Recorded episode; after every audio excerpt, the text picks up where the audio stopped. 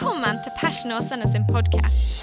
Vi er en ung menighetsplanting i Åsane bydel utenfor Bergen som ønsker å lede mennesker til lidenskapelig tro og overgivelse til Jesus, kirken og hans oppdrag. Takk for at du lytter til vår podkast, og vi håper du blir oppmuntret og utfordret i din etterfølgelse av Jesus. Vi skal gå inn i Guds ord i dag. Her i Kristkirken forsyner vi ut fra kirkeårets tekster. Eh, Det er jo både en velsignelse, men òg en utfordring til tider. Eh, Og I dag så har jeg fått en av de tekstene som er så fyldige at du ikke helt vet hvor du skal begynne å plukke spaden ned hen. Men du får bare ta og begynne et sted. Og I dag så skal vi til Johannes det 15. kapittelet, det 9. verset. Og så kan vi få lov til å lese sammen. Og Han som skriver det, er apostel Johannes. Han er på sine eldre dager. Han er den eneste apostel som ikke led martyrdøden. Og brevet dateres til ca. 90-95 etter Kristus.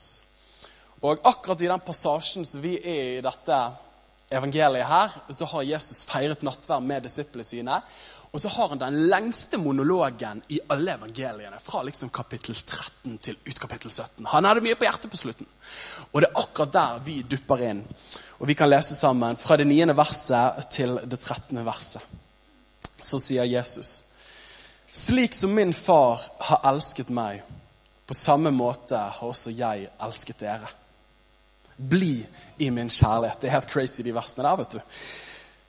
Holder dere mine bud, blir dere i min kjærlighet. På samme måte som jeg har holdt min fars bud og blir i hans kjærlighet. Dette har jeg talt til dere for at min glede skal bli i dere, og for at deres glede skal bli fullkommen. Dette er mitt bud. At dere skal elske hverandre som jeg har elsket dere. For ingen har større kjærlighet enn dette, at han gir sitt liv for sine venner. For ingen har større kjærlighet enn dette, at han gir sitt liv for sine venner. Jeg har valgt å titulere det jeg skal dele med dere i dag, for ett enkelt ord, og det er kjærlighetsproblemer. Spørsmålstegn. Kjærlighetsproblemer, spørsmålstegn. La oss og be sammen. Jesus, vi takker deg for de øyeblikkene som vi deler nå, Gud. Og vi ber Helligånd at du lyser opp din tekst, Herre. Jeg ber om at du lyser opp ditt ord, Gud, så det ikke bare blir mat for tanken, men jeg ber om at det skal få lov til å bli styrke for sjel, Jesus. Det ber vi om for. Og jeg ber om at i løpet av de øyeblikkene vi deler her, så ber jeg om at du åpenbarer deg sjøl, Jesus. Jeg ber om at du griper våre hjerter på nytt, Herre. Herre, du ser hvor vi er, du ser hva vi trenger, far. Eh, og jeg ber om at akkurat der vi trenger det i dag, skal vi få lov til å erfare at du omfavner oss, at du bekrefter oss, at du leder oss nær til deg, Jesus. Og alle sammen sa Amen. Herlig. Det er bra med respons. vet du. Vi fra Åsane liker litt respons. Så du får lov til å smile litt, du får lov til å rope litt. Det er helt, helt greit. Barneskolen. For enkelte så er det sikkert et vagt minne. Eh, for noen begynner det å bli et par år siden, for andre så er det ikke så veldig lenge siden. Men for min del, en av de tingene som liksom summerer opp barneskolen for meg, ikke summerer, men en av de tingene som kjennetegnet barneskoletiden for meg, var at kjærligheten ikke gikk helt på skinner. Jeg vet ikke med deg om du ser tilbake på barneskole og tenker at hvis du hadde en kjæreste der, det var bare my prime time in life, liksom. Det kan være. Alt er uskyldig, rosa skyer, vi fniser og koser, og det er koselig. For min del var det ikke sånn. I første klasse så hadde jeg forstått det, så at mamma og pappa var kjærester. Folk var kjærester rundt meg. Folk fikk kjærester. Så jeg forsto at Danny Boy, hvis du skal være en del av gjengen, så trenger du òg å få kjæreste. Så dette, i første klasse så var det en smukk skje, og hun Eller jeg vet egentlig ikke om hun var det. Det var i hvert fall hun jeg gikk hjemme fra skolen. Sant? Og eh, En dag så inviterte hun meg til å se Robin Hood hjemme hos seg. tegneserie, og jeg vet at noen som liker det. Men da var det gjort, vet du, etter jeg så den filmen sammen der. Da bestemte vi oss for at vi skulle være kjærester. Det skjedde i hu og hast. Og Min søster syntes dette var bare så helt fantastisk. Så det at Hun hadde ikke bryllupsgave, men kjærlighets kjærestegave. Hun hadde to sånne sjampoer, hotellsjampoer. Skjønner du? Og de fikk vi. Snakk om raushet, vet du. Vi begynte med et pang. Det gikk ikke mange dagene før man forsto at dette ikke gikk så veldig bra, og det ble slutt. Og eh, Det var min førsteklasse kjærlighetserfaring. Det var på ingen måte enkelt. Årene gikk, og så begynte jeg å tippe fjerde, femte og sjette klasse. Og i sjette klasse fant jeg ut at jeg skulle ta opp igjen min kjærlighetskompetanse, og tenkte at kanskje den nå hadde økt. Sendte melding tror jeg det var, til hun jenten som jeg hadde utvalgt meg. og om Litt fram og tilbake så sa hun ja, det har jeg veldig lyst til. Jeg følte at nå begynner livet å realisere seg. Og så fant jeg ut at det var jo ikke så veldig enkelt, det her. For det, for det første klarte ikke vi å snakke sammen. Og du er, sånt, Venner har nødt til å være rundt for at du kan snakke sammen. Veldig vriene saker, det der. Og du hadde kontantkort på den tiden, så det var jo ikke alltid du hadde råd til å sende meldinger heller. sant? Og mor og far hadde ikke lyst til å kjøpe nytt kontantkort på 150 kroner, fordi at du brukte det opp på ringetoner og spill og sånt. Eh, og så klarte man egentlig ikke å snakke sammen og stille spørsmål man egentlig lurte på utenom når man, når man lekte NSP. da. Og Beklager hvis jeg er litt for ærlig. Nødt sannhet og prosent for de som har vært der. liksom. Can I get a witness? Er det noen? Ja? Et par stykker her. Men det gikk ikke fort før, før man forsto at at dette her kommer ikke til å bære. Relasjonen smuldret opp, og eh, det var ikke noe kommunikasjon der. Og så begynte jeg å tillegge hverandre motiver. Hun liker ikke meg, hun snakker ikke meg, hun ser ikke meg. Var hun med den gutten i friminuttet? Og så videre. Og så klarer du ikke å snakke rett til, så det var jo gjennom venner du sendte beskjeder. sant? Så det ble jo aldri det du sa. Så vi bygde opp tanker, og det ble en distanse der. Det ble med andre ord kjærlighetsproblemer. Kjærlighet var ikke enkelt på barneskolen. Og for å heve bildet litt kjærlighetsproblemer Ikke at dette skal være én stor kollektiv terapi, parterapi. Men problemer med kjærligheten, det tror jeg vi alle møter på. Jeg vet ikke om det kan kalles kjærlighet på barneskolen, men skru du på nyhetene på NRK klokken 18, klokken 19, 21, 23, så får vi et innblikk i en verden som på mange måter er i kjærlighetsproblemer. Som har problemer med kjærlighet at du ser på det ene landet som sanksjonerer og som straffer det andre landet. Du ser på det ene landet som forgriper seg på enkelte folkegrupper eller i møte med andre nasjoner. Du ser partier, polarisering, det trekkes unna. Vi prøver å straffe, vi prøver å bygge allianser. Og verden er på mange måter ganske kald.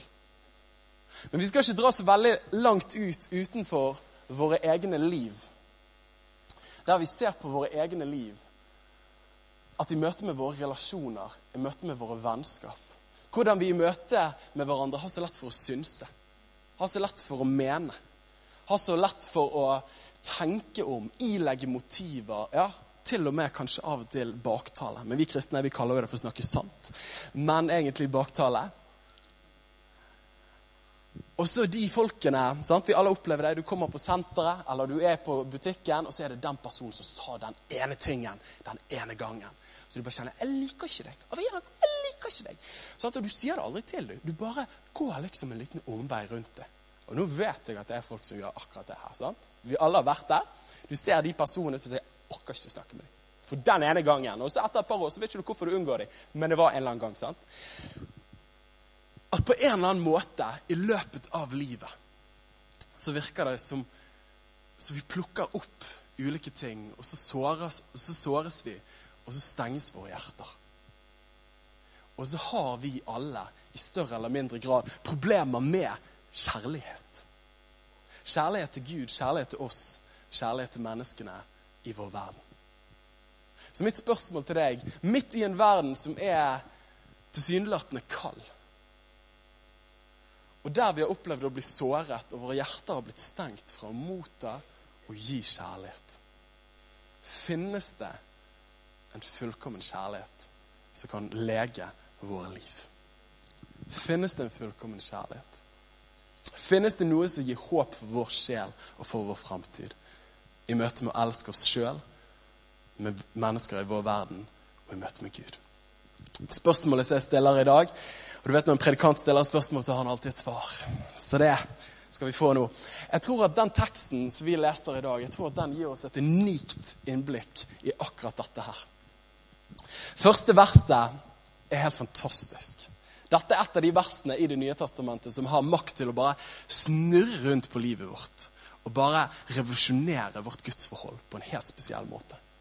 Jeg husker første gang jeg leste dette verset her. Det var i 9. klasse. Jeg har blitt invitert ned på en tur til Bryne med Håvard og en gjeng fra ungdomsarbeidet her. Og så husker jeg Det var en som het Jørgen Berentsen Team, kanskje, noen som kanskje kjenner han. Og jeg sa til han, 'Jørgen, har du sett det som står i det verset her? Jeg var 13 år, jeg var hormonell, men jeg hadde møtt Jesus. Jørgen, har du sett det som står i dette verset her? At, at Jesus elsker meg akkurat som Faderen elsker han. Har, har du sett det her, liksom? For det er akkurat det som står her. Det at slik som far har elsket meg, har jeg elsket dere. Og Dette er et sånt vers som vi bare kan skumme gjennom. og så vi bare tenker at det er fint liksom, Sentimentale ord. Jesus, du hadde en one time high liksom, rett før du skulle opp på korset, og du bare kjente oh, come on, let, let's cuddle boy. sant? Men at dette her var noe autentisk ved det. Hva er det egentlig som står her? Jo, at den kjærlighet som Faderen har for Sønnen Altså, Så klart er vi innforstått med at Faderen elsker Sønnen. Det sier jo seg sjøl. Det var jo fullkommen kjærlighet, harmoni. Men at Sønnen elsker oss på samme måte, det er jo helt utenkelig. Men det er jo akkurat det som står her. At den samme affeksjon, den samme varme, den samme, den samme omfavnelse som Jesus erfarer fra Faderen fra tidenes morgen, den samme omfavnelsen har Gud i møte med mitt liv, i møte med ditt liv. Og det er fine ord, det her. sant? Og det er sånn man kan lese det og så tenke, ah, come on, it's good. Men det er noe med når hjertet åpnes opp, og så erfarer man at det bare går fra hjertet, hodet til hjertet. Man erfarer at det er ikke bare fine ord, men det er kraft over det. Og Jeg er sikker på at disiplene kunne tenke det samme. De kunne tenke at eh, ja, ok, vel er dette fine ord, Jesus. Det kan være at du tar deg en liten munnfull nå, men det er greit, det er greit, Jesus. Jeg ser at du er litt stresset. Jeg vet ikke helt hvorfor, men du, du er litt stresset. Du skal dø snart. Eh, men så ser jeg greiene her, så kommer Jesus til det 13. verset, og så sier han Ingen har større kjærlighet enn dette enn han som setter sitt liv til for sine venner. Han som gir sitt liv for sine venner. Og når Jesus taler det her, så er han bare øyeblikk unna og gi sitt liv for disiplene. Så det, at det kan høres ut som fine ord det her, at du elsker oss like mye som Gud elsker deg. Men Jesus er på vei til å demonstrere at dette er ikke bare ord, men dette er erfaring. Dette mener han. Dette er sant at han vil sitte til sitt liv for oss. Og det her, vet du, helt nydelig. Og et av de versene som har betydd mye for meg opp gjennom i vandringen, det har vært når Faderen taler over Jesus. I Markus 1,11 så står det at Jesus kom opp i dåpsberetningen om Jesus, at Jesus kom opp fra vannet. Og så står det at det lød en røst fra himmelen og sier han at du er min sønn. Den jeg elsker og i deg har jeg velbehag. Og at det er den samme affeksjonen, den samme kjærligheten som taler Jesus over mitt liv, og taler han over ditt liv. At den samme evige kjærligheten er over oss. At du er hans, og han elsker deg. Og han er stolt over deg. Helt nydelig. Og Dette er en av de hemmelighetene som Jesus bare slipper oss inn på. At som troende som menneske på denne jorden her, så bærer Gud en evig kjærlighet til oss. Jeg syns det er helt fantastisk. Noe som gjør at uansett, uansett hvordan mitt liv har vært til nå, uansett om jeg opplever å ha blitt anerkjent i livet, opplevd å ha fått ubetinget kjærlighet, opplevd og det å oppleve meg verdifull og mange av oss, Erfaringen er at livet som jeg nevnte til å begynne med, har servert oss ulike ting. At kjærlighetstanken langt ifra er full. Men i møte med Jesus, i møte med Gud, så omfavnes vi alle i denne kjærligheten her. En kjærlighet som er uforklarlig, uforståelig, men som er virkelig. Og på toppen av det hele så inviteres vi til å bli værende i denne kjærligheten. Så kommer vi videre til det neste verset. Jeg skal prøve å, å gå gjennom versene her, og så sier Jesus Han har liksom nettopp lagt ut om sin kjærlighet til oss. Og så sier han hvis dere holder mine bud, blir dere i min kjærlighet. På samme måte som jeg har holdt min fars bud og blir i hans kjærlighet. Og jeg er sikkert ikke den første som har lest det verset. Og så tenker du «Ah, hva var greien her liksom? Nå begynte vi på søt musikk liksom, i det niende verset her. At du bare elsker oss. At vi er bare dine favoritter. Og så kommer vi ned til de tiende verset. Uh, hvis, hvis du elsker meg, så holder du mine bud. Og hvis du holder mine bud, så elsker du meg. Jeg husker jeg leste dette verset her tidligere, og så tenkte jeg dette her høres jo skikkelig manipulerende ut. Noen som tenkte? Liksom, vi er venner hvis du gjør det jeg sier. Ok! La oss være venner, ja. Liksom. Det tror jeg ikke. Og det er litt det Jesus sier. Hvis dere holder mine bud, ah, da elsker dere meg. liksom. Gjør alt jeg sier. We're gonna be good friends. Og bare sånn ha, Jesus, merkelig. Hva er din forståelse av kjærlighet? Og er ikke det akkurat det vi vokser opp med? Jeg skal prøve liksom å knekke opp dette her litt. Men i vårt samfunn så lærer vi det at kjærlighet Kjærlighet er jo Kjærligheten er fri. sant? Er noen som har hørt det før? Kjærligheten er fri. Sant? du vet aldri hvor han kommer fra, du vet aldri hvor han går, og du vet aldri hvor lenge han varer. For det kan jo være at han plutselig bestemmer seg for å gjøre noe annet. Og jeg tror at det er en av våre tids store, store løgner. At kjærligheten ikke har noen normer, verdier, forutsetninger. Altså Kjærligheten bare kommer og går, og det er et stort mysterium. Og la oss håpe at disse Amos piler bare treffer oss en eller annen gang. Sant? Det er det mange tenker. Jeg vil foreslå for deg at Jesus egentlig ikke tenker det helt på den måten. I fjor studerte jeg sosiologi uten å skryte det på meg.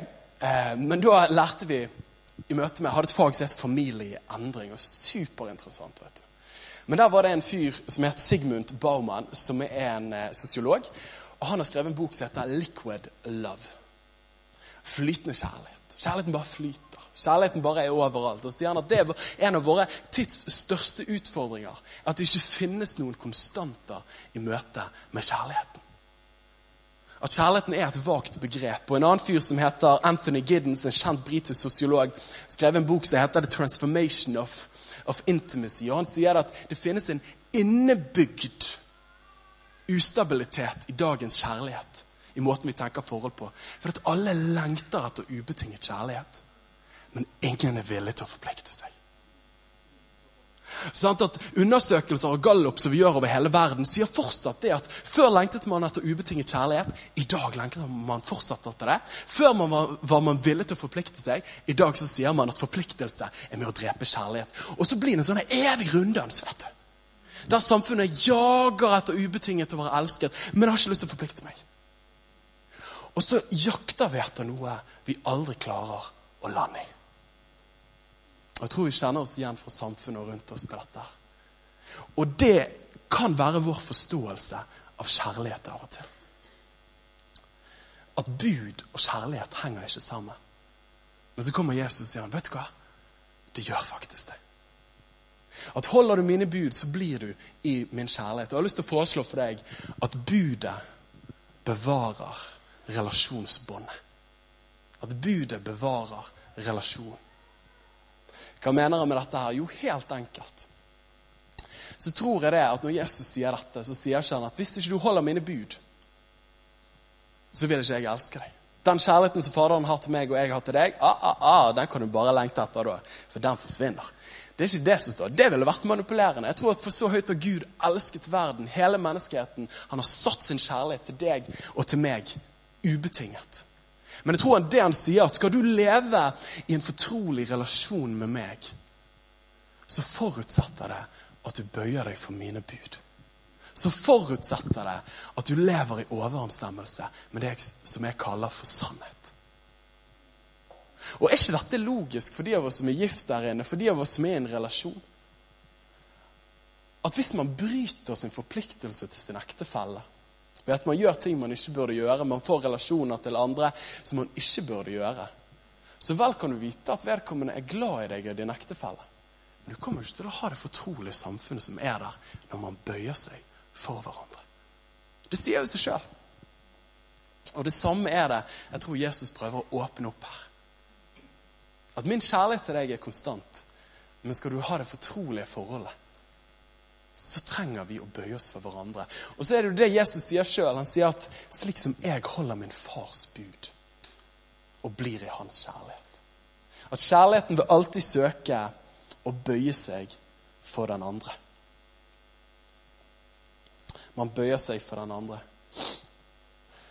Og I 1. Johannes så skriver samme forfatter så skriver han i 1. Johannes, det andre kapittelet, og det første verset, tror jeg i det tredje verset så sier han at på dette har vi lært han å kjenne, om vi holder hans bud. Det kan høres litt merkelig ut, det her, men jeg tror egentlig det handler om happy holiness. At når du lærer Han å kjenne, så holder du Hans bud. Når du virkelig smaker at Gud er god, så har ikke du lyst til noe annet. Når du virkelig forstår hvem Gud er, hva han har gjort for deg, hva han har for deg, så har ikke du lyst til å gå andre veien, for du vet at de tingene han taler over ditt liv, de tingene han holder for sant, er jo det beste. Og det er det at budet bevarer båndet mellom meg og Gud. Jesus sine bud er god. Hans byrde er lett, hans åk er gangelig. Og I det tolvte verset hopper vi litt fram, og så står det her. Og så begynner Jesus å konkretisere for oss hva det vil si å holde hans bud. Og Det er egentlig veldig enkelt, men veldig vanskelig på samme tid. Og Så går han videre og så sier han, 'Dette er mitt bud, at dere skal elske hverandre.' At slik Dette er mitt bud, at dere skal elske hverandre. At dere skal elske hverandre som jeg har elsket dere.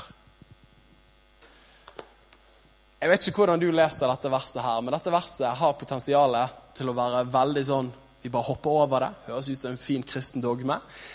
Eller så bare tenker vi oh my gosh, liksom. Dette her er kraftige saker. Men akkurat som når jeg leser det her, så det jeg ser, det er akkurat som at Guds kjærlighet på ingen måte er eksklusiv. At Guds kjærlighet ikke er proteksjonistisk, eller Guds kjærlighet er ikke forbeholdt de få. Eller Guds kjærlighet er ikke bare gitt min egen glede og forlystelse. Men at Guds kjærlighet strekker seg utover. At Guds kjærlighet strekker seg utover. At Guds kjærlighet er bare konstant på push utover til nye mennesker på nye steder. Og Det som står her, det er akkurat som jeg ser i de første versene, sier han at Faderen elsker meg. Faderen elsker meg. Og så står det at Og jeg elsker dere. Og Sønnen elsker oss ved Den hellige ånd, de troende. Ser dere det akkurat som det er en, det er en flow? Far til sønn, sønn ved ånd til oss. Det står I Romeren 5, 5 står det at Guds kjærlighet er blitt øst ut i våre hjerter ved Den hellige ånd. At det går Det er akkurat som det er en, en, en strøm av kjærlighet. Og så sier Jesus at når kjærligheten treffer livet deres, så er ikke dere ment å være en innsjø. Er ikke ment å være gjemt på en hytte bare for dere sjøl. Men denne kjærligheten her er så eksplosiv. Denne kjærligheten er så evig. Han presser seg utover. Han har alltid gjort det. Evangeliet har prøvd å nå ut til nye mennesker på nye steder, til nye tider. Alltid. At når vi da erfarer Guds kjærlighet og kommer i relasjon med Han, så er det som Jesus sier, at skal du leve i fortrolig relasjon med meg, skal du leve i dette vennskapet her, så er det ikke sånn at du kan bare stå nederst på elven og så bare treffe deg, og så er demningen nede. Men han sier nei, nei, denne kjærligheten her, den må bare utover. Han må bare videre. Til nye steder, til nye mennesker. For at du klarer ikke å stå i det og ta imot min kjærlighet når du ikke gir det videre. Det er det jeg synes å se i denne teksten her. Og selv om budet ser lite ut, og det kan være at det ser veldig spinkelt ut, så vet vi at elsk hverandre. Elsk din neste. Når vi leser det i dag på søndagsgudstjenesten, så høres det fint og overkommelig ut. Men når vi står overfor våre kollegaer på jobb, den ene kollegaen som du bare ikke takler Den kollegaen som du bare tenker Oi, oi, oi, oi, jeg har lyst til å skrive en jobbsøknad for deg til et annet sted. Altså den kollegaen, eller den personen på butikken som man prøver å unngå. Eller kanskje den selvskjene politikeren som hver gang han kommer på en TV-debatt, så bare tenker du Kjære gode Jesus, gjør noe eller i møte med våre ektefeller eller våre venner eller våre barn, så blir dette liksom Elsk hverandre! Halleluja! Elsk hverandre! Come on! It's good! Så blir bare de to ordene der blir som to lødd som bare treffer det. Bare, uh, elsk hverandre! Ja. Ikke veldig enkelt, Jesus. Hvorfor måtte du si det? Han kunne jo sagt liksom Elsk hverandre utenom tre unntak. Du kan velge selv. Det hadde mange likt, tror jeg. Men han sier ikke det. Han sier elsk hverandre. Elsk din neste. Og jeg vet at når jeg begynner å tenke på min rett Jesus, ser du hva denne personen har gjort mot meg? Ser du hva, hvilken urett de viste mot meg? Ser du hvordan de såret meg? Jeg gjorde jo det rette. Jeg fulgte jo deg, Gud. Jeg opplevde jo at jeg skulle gjøre det her, og så kommer de og møter meg på den måten. Gud, hva er greia? Og når jeg begynner å tenke på min rett og mine unnskyldninger og påskudd for ikke å elske Da har jeg falt i forglemmelsens felle. Da har jeg falt i fellen av å glemme hvor jeg kommer fra. Og min egen fortelling. Og hvor vil jeg hen? Jo, jeg begynte i dag med å legge ut om Guds kjærlighet til våre liv. Når vi glemmer å elske, når vi sier 'Jesus', alle utenom hun, han og den og det, eh, så glemmer vi hvor vi kom ifra. For hadde Jesus sant? Hadde Jesus tenkt på sin rett og sin unnskyldning og sine påskudd for ikke å elske meg, så hadde ikke jeg hatt det så veldig bra. Så at han var villig til å legge ned sitt liv for meg. For at jeg kunne få liv. Ikke pga. jeg fortjente det, men på tross av. Roman 5,8 at Gud viser sin kjærlighet til oss ved at Kristus døde for oss mens vi ennå var syndere. På samme måte er det de gangene vi ikke evner å elske, de gangene vi nekter å elske, de gangene vi lukker våre hjerter, så vil jeg foreslå at vi har falt i fæle av å glemme hvor vi egentlig kom ifra. Og har en sånn tese for dagens preken som er at elskeproblem er et evangelieproblem. Et elskeproblem er et evangelieproblem. At Guds kjærlighet til oss er så eksplosiv at den er ment å gå utover. Og de gangene vi holder igjen, så flytter vi oss sjøl ut ifra Guds nåde. Og Johannes apostel som skriver det her Han skriver På slutten av sitt liv så skriver han første Johannesbrev, som det kalles. Og så summerer han opp disse tingene som jeg har sagt nå, på en helt fantastisk måte. Eh, og han sier i det fjerde kapitlet så sier han at, at den som ikke elsker, kjenner ikke Gud. Den som ikke elsker, kjenner ikke Gud. For Gud er kjærlighet. Ja, for dette er kjærligheten. Ikke at vi engang elsket Gud, men at Han, men at han elsket oss. Og at han sendte sin sønn til soning for våre synder. Og så kommer han. Jeg ser for meg at han bøyer seg fram når han ser inn til menigheten, og så sier han gammel til de unge. Så sier han 'elsker deg'. Hvis Gud har elsket oss slik, så skylder òg vi å elske hverandre. Og så tar han oss tilbake til evangeliet. Så tar han oss tilbake til begynnelsen. At Gud elsket oss midt i vår nød og møtt midt i vår håpløshet. Han tenkte ikke på sine unnskyldninger og sine påskudd og sin rett til å la være, men Guds kjærlighet strakk seg utover til oss. Elsker deg. Hvis dere ikke elsker, så har ikke dere møtt Gud. Og stilt ovenfor vår egen evne til å elske, stilt ovenfor vår egen kjærlighet som vi kan oppdrive, så høres dette budet helt urimelig ut. Men hele fortellingen her er jo at det ikke er med vår kjærlighet at vi skal elske vår neste, men at det er med Guds kjærlighet. At vi får lov til å bare stå i strømmen fra den evige kjærligheten som har vært fra tidenes morgen. Og Vår oppgave er å holde vårt hjerte mykt og utenfor bitterhet. Og så kan Guds kjærlighet få lov til å flyte gjennom oss. Og i det ellevte verset så sier Jesus, vet du hva? Hvis dere gjør dette her, så kommer min glede til å være i dere. Og deres glede kommer til å være fullkommen. Jesus gir oss her, tror jeg, nøkler til det mest tilfredsstillende livet. Ikke et liv der det ikke kommer til å være smertefullt iblant, der det kommer til å svi iblant, men han gir oss et liv i frihet og erfare en glede som er fullkommen. Kapittelet før så sier også Jesus at, to kapitler før sier han at på dette skal alle forstå at dere er mine disipler. Om dere har kjærlighet til hverandre.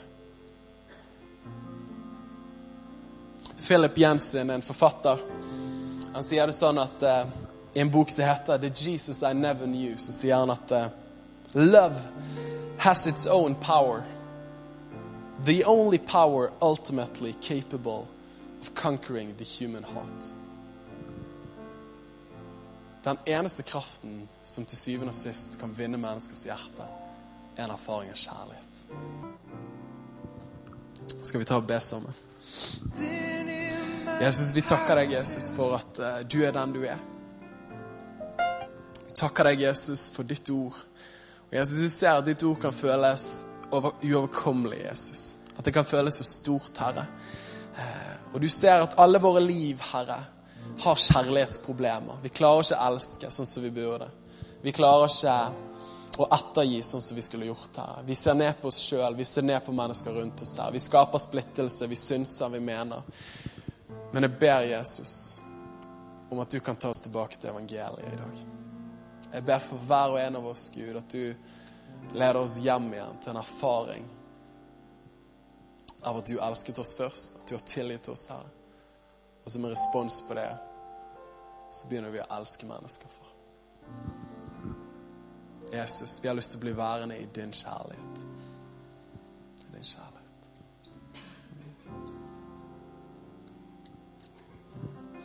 Amen. Takk for at du lyttet til Passion Åsane sin podkast. Hvis budskapet inspirerte deg, del det gjerne videre, slik at enda flere kan bli styrket av Guds ord. Gud har en plan for ditt liv. Følg Jesus lidenskapelig og bety en forskjell for mennesker i din verden.